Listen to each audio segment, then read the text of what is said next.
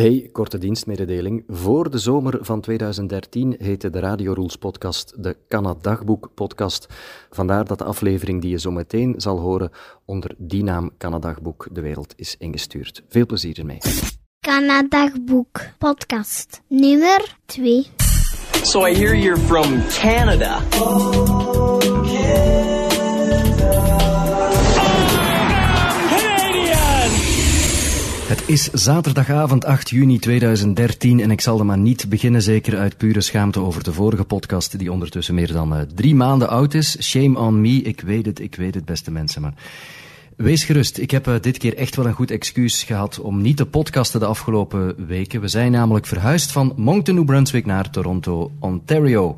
Enfin, eigenlijk uh, Brampton, Ontario, als ik heel eerlijk moet zijn. maar dat is wel degelijk een onderdeel van wat ze hier de GTA noemen um, de Greater Toronto Area. En omdat eigenlijk niemand buiten de GTA, buiten de GTA Brampton weet liggen, zeg ik dan maar gemakshalve dat we in Toronto wonen. En dat is waar ik dus nu op dit ogenblik zit en deze uh, tweede Canada dagboek uh, of Canada dagboek podcast opneem.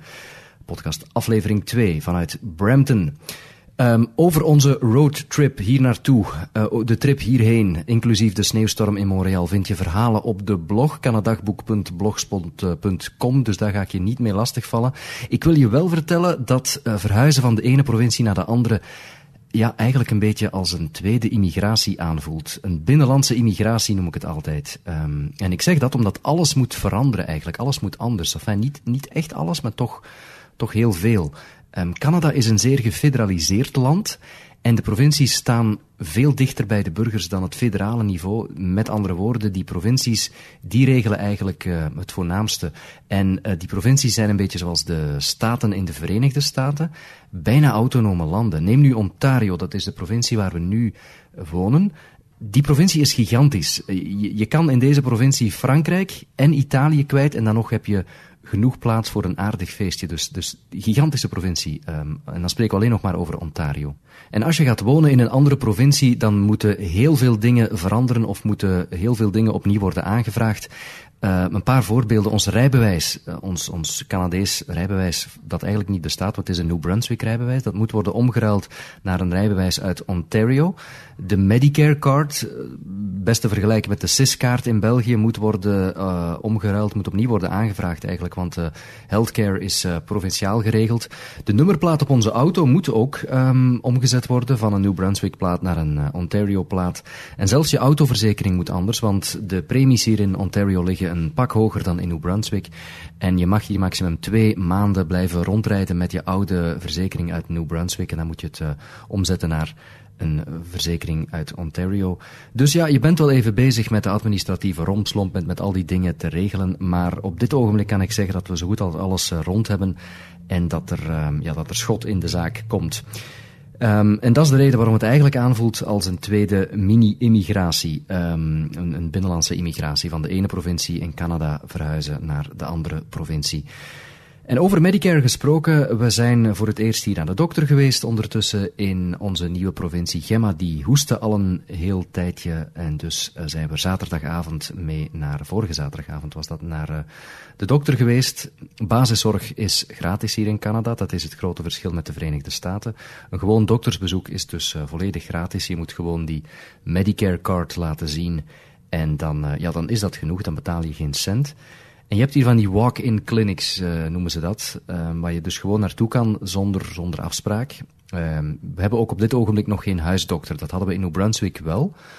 Dat was op zich fijn af en toe om te hebben, omdat die, uh, man, want het was een man, uh, ja, je, je dossier wat kent en je ook persoonlijk kent, maar die walking clinics, die werken eigenlijk even goed. Zeker als je na het werk um, met de kinderen nog even naar de dokter wil, omdat ze bijvoorbeeld al een tijdje hoesten, of, of omdat je zelf met uh, een, vervelend, een vervelend virus kampt, ja, dan kan je gewoon naar de walking clinic gaan en dat, ja, dat, dat is even, even goed, eerlijk gezegd. Um, for the record, Gemma bleek helemaal in orde te zijn um, en we hebben gewoon een hoestsiroopje meegekregen en dat moet, uh, moet de zaak klussen. Daarmee moet ze dan uh, de verkoudheid doorkomen. Nu we het toch over de kinderen hebben, Gemma en Fran gaan ondertussen netjes naar de school hier. En omdat ze in Moncton naar een Franstalige school gingen, en omdat we ze toch in dat Franstalige onderwijs um, willen houden, omdat we vinden dat dat een, enorme troef is als ze Engels en ook Frans en dan natuurlijk ook Nederlands uh, kunnen, um, hebben we ook hier een Franstalige school gezocht en gevonden. Op een uh, kilometer of vijf, zes hier vandaan. Um, s ochtends uh, pikt de schoolbus hier hen voor de deur op, zoals dat ook het geval was trouwens in New Brunswick. En s'avonds levert diezelfde knalgele schoolbus hen weer voor de deur af. En we zijn echt heel tevreden over de school, want dat is toch altijd een gokje natuurlijk. Het, het is een openbare publieke school. Maar uh, ja, geen twee scholen zijn dezelfde natuurlijk. En je kan, uh, je kan altijd al wel eens een foute, tussen aanhalingstekens, school treffen. Maar dit is echt wel een hele goede school. Um, al was het maar het gebouw, het is een gloednieuw modern gebouw. Um, zeer vriendelijk lerarenkorps. Zeer goede communicatie ook met de ouders. En de kindjes, uh, Gemma en Fran, gaan er heel graag naartoe. Uh, dus dat is, allemaal, dat is allemaal heel leuk. En de directeur heeft een Belgische link trouwens. De directeur is geboren in India, geloof ik. Is dan op jonge leeftijd, als hij een paar jaar oud was, naar België gekomen. En dan uh, weer een paar jaar uh, nadien is hij naar Canada verhuisd. Um, en het gevolg is dat hij dus uh, ook een beetje Nederlands spreekt, want hij heeft behoorlijk lang, enfin, toch een aantal jaar in Brussel gewoond. En ja, die spreekt een mondjevol Nederlands, een paar basiswoorden. En dat vinden onze kinderen natuurlijk geweldig, dat die directeur van de school um, in Canada ja, een beetje Nederlands spreekt. En toegegeven, dat is ook wel, dat is ook wel opmerkelijk. Um, de, de, de, de school, net als Brampton eigenlijk, is zeer, zeer, zeer multicultureel. Um, je hebt er uh, leerlingen en uh, leraren in alle maten en vormen en kleuren en achtergronden. En dat is typisch Brampton. Een typische Greater Toronto Area eigenlijk. De hele regio is heel multicultureel. Hier in Brampton trouwens heb je veel Indiërs. Brampton, ook wel eens het kleine Bombay genoemd, Little, Little Bombay. Omdat je hier dus heel veel Indiërs hebt en... Um, dat maakt, uh, dat het er allemaal zeer multicultureel op, maar wel op een positieve manier multicultureel. Want dat is natuurlijk ook uh, Canada. Iedereen heeft wel ergens buitenlandse roots, maar we leven hier allemaal uh, keurig naast elkaar um, in, in Canada. Dat is een beetje onze eigen update. Ik wil uh, nog een aantal dingen vertellen uit Canada zelf, wat in het nieuws uh, zat, bedoel ik dan. Uh, wat hebben we onthouden uit het nieuws uit Canada? Wel, er is eigenlijk maar één verhaal dat, dat de ronde doet hier tegenwoordig. Dat is Rob Ford. Rob Ford is de burgemeester van Toronto. En die man, um, ja, die zit in de problemen. Het is te zeggen, een um, aantal weken geleden uh, kwamen plots twee journalisten. Uh, één journalist van de Amerikaanse roddel- en entertainment site Gawker en een andere journalist van de Toronto Star. Dat is een lokale krant hier in Toronto. Dus die twee journalisten kwamen plots op de proppen met het verhaal dat ze een video hadden gezien waarin Rob Ford, de burgemeester van Toronto, um, zich te goed deed aan, uh, aan de crackpijp, dus de, de, de, aan crack en cocaïne zat. Um, die twee journalisten hebben uh, die video te zien gekregen op de achterbank van een auto uh, van, van Somalische drugshandelaars. Ze mochten geen kopie maken, ze mochten niks opnemen, ze mochten er alleen naar kijken naar die video. En dan werden ze min of meer uit de auto gezet. En dan werd hen verteld dat ze de video konden kopen um, voor permanent gebruik, maar dat zou hen wel 200.000 dollar kosten. De dag nadien stond dat natuurlijk zowel op die website, Gawker, als in de krant. Groot verhaal. Uh, Rob Ford uh, zit aan, aan de cocaïne, zit aan de crack, heeft de crackpijp gerookt. Maar die video is natuurlijk nergens, um, nergens te zien. Uh, alleen die journalisten hadden dat gezien. En toen is er eigenlijk een heel groot verhaal gestart, een schandaalverhaal. Andere media hebben daar gretig op ingepikt. En ja, toen was de vraag natuurlijk, bestaat die video of niet? En als die bestaat, kunnen we hem dan alsjeblieft zien? En dat is zowat het nieuws geweest de afgelopen dagen en weken in Toronto. En het merkwaardige was dat de burgemeester eigenlijk nooit um, ja, openlijk heeft gezegd of hij nu wel bestaat of niet, die video. Het is te zeggen, hij heeft gezegd dat de roddels um, uh, niet waar zijn, dat ze, dat, dat ze afschuwelijk en, uh, en volledig onterecht zijn. Maar uh, dat was de enige communicatie buiten dat ene, ene zinnetje dat hij naar journalisten heeft gesneerd. Meer communicatie heeft hij daarover niet vrijgegeven. En dat was, ja, dat was zijn fout geweest, want het verhaal is beginnen groeien en ja, het is boven zijn hoofd gegroeid. Wat de zaak ook erger maakte was dat een aantal van zijn medewerkers, van zijn stafmedewerkers, ontslag begonnen te nemen of werden buiten gezet. Ondertussen is hij vijf mensen kwijtgeraakt op City Hall van zijn woordvoerder tot zijn stafmedewerker tot zijn persoonlijke secretaris. Die mensen hebben uh, er zelf de brui aangegeven of die hebben uh, hun C4 gekregen. Vreemde dingen aan de hand op het stadhuis van Toronto. Geen communicatie van Rob Ford, terwijl de druk op hem steeds groter werd om, uh, om ja, open kaart te spelen. Zeg gewoon wat er aan de hand is. Ben je dat op die video?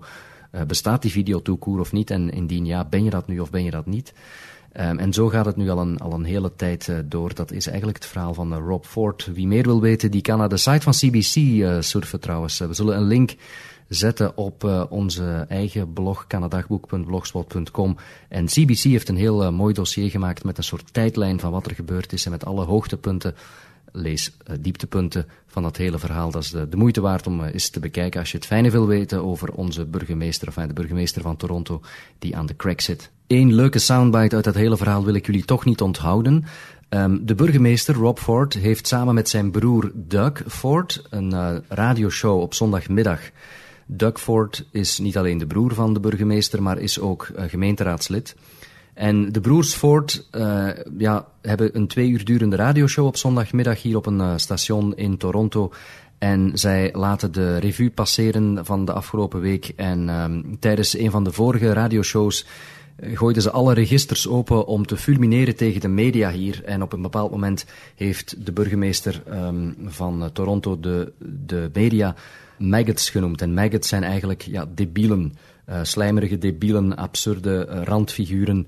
Um, ja, en zoiets doe je niet natuurlijk. Dit was eigenlijk het fragment, uh, uh, het specifieke fragment. 80% of them are, are nasty son of a guns. Bunch of maggots. Sorry, so, I shouldn't, maybe I shouldn't have said that. Ja, enkele dagen later heeft hij zich dan wel moeten excuseren voor die uitspraak. Maar goed, het kwaad was geschied en dat zal hem nog wel een tijdje blijven achtervolgen, vrees ik.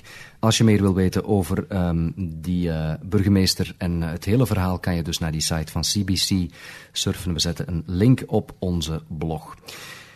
Dat was eigenlijk het enige verhaal waarover ik het wilde hebben in, uh, in Canada. Maar er zijn ook een aantal dingen die we onthouden hebben uit uh, België de afgelopen weken. De klapper van de week! week. Wat me zo meteen uh, te binnen schiet um, uit het nieuws in België. Ja, de problemen met de Vira-trein natuurlijk.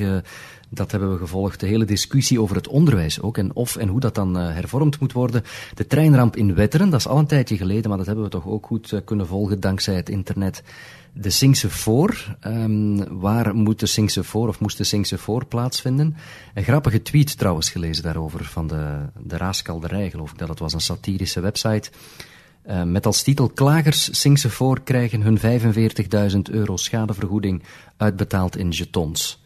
Dat vond ik een geweldige tweet. Heb ik geretweet. Dat is fantastisch. Dat, dat doet mij lachen, zo'n dingen. Uh, twee dingen wil ik nog aanhalen uit het nieuws uit België, wat mij is bijgebleven. Ook ten eerste dat Wat Als, het in Vlaanderen alom gewaardeerde humoristische programma, een, uh, een behoorlijke uh, televisieprijs heeft gekregen. Het programma van 2B, van de zender 2B, heeft een Gouden Roos gewonnen. Dat is een zeer belangrijke onderscheiding in tv-middens. En voor wie dat programma Wat Als niet kent, Um, wat als is een hilarische sketchshow waarin elke situatie van het programma dus start met die bewuste vraag, wat als? En dan volgt telkens een absurde sketch gespeeld door ja, toch wel wat Vlaamse topacteurs en actrices. Onder meer Charlotte van der Meers, Ben Segers, Bruno van den Broeke en Ruud Beekmans, om er maar enkele te noemen. Niet alle fragmenten zijn even geestig, maar er zitten toch wel vaak briljante dingen tussen. Uh, wat als we altijd eerlijk waren, bijvoorbeeld. Um, wat als wc's niet bestonden, uh, wat als het altijd kermis was, uh, dat soort dingen. En nu ga je denken, ja, hoe kan hij dat dan allemaal bekijken? Want uh, in Canada heb je toch geen 2B? Nee, dat is waar, maar je hebt wel YouTube, lang leven YouTube. En er staat behoorlijk veel materiaal ook op YouTube. Of er stond eigenlijk veel materiaal op YouTube, want ik heb de indruk dat er ook veel is afgehaald de afgelopen weken. En dat heeft misschien ook te maken met auteursrechten. Um, wat als terecht dus die onderscheiding gekregen. Het allereerste fragment dat ik ooit zag van hen was uh, dit hier. Wat als garagisten eerlijk waren.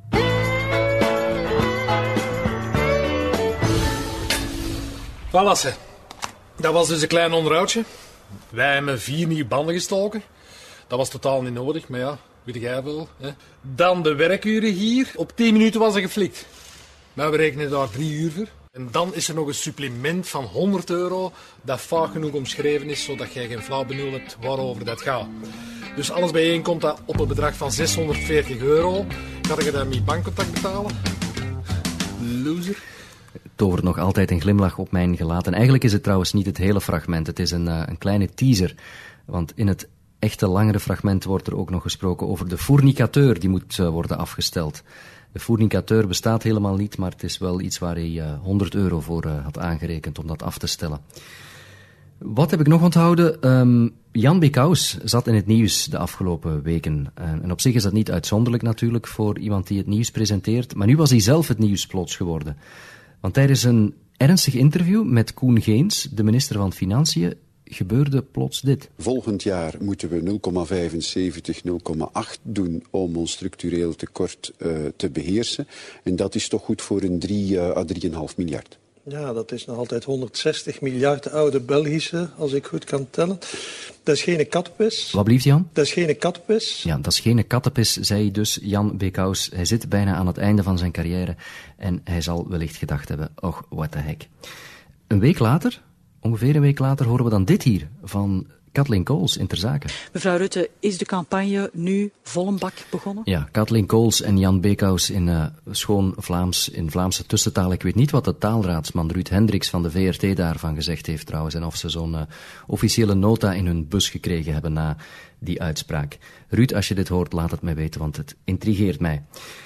Dat was het wat ik jullie voorlopig wilde vertellen. Um, aflevering 2 van de Canadagboek podcast. Ik ga echt geen beloftes meer maken over wanneer de volgende te horen is. Dat is veel te gevaarlijk gebleken, heb ik gemerkt, de afgelopen weken en maanden. Ouch. De laatste drie minuten van deze podcast wil ik een eerbetoon maken aan de makers van Wat Als. Het begintuntje van de reeks is eigenlijk een geweldige plaat van Eric Clapton. Tell me that you love me. Tot de volgende keer.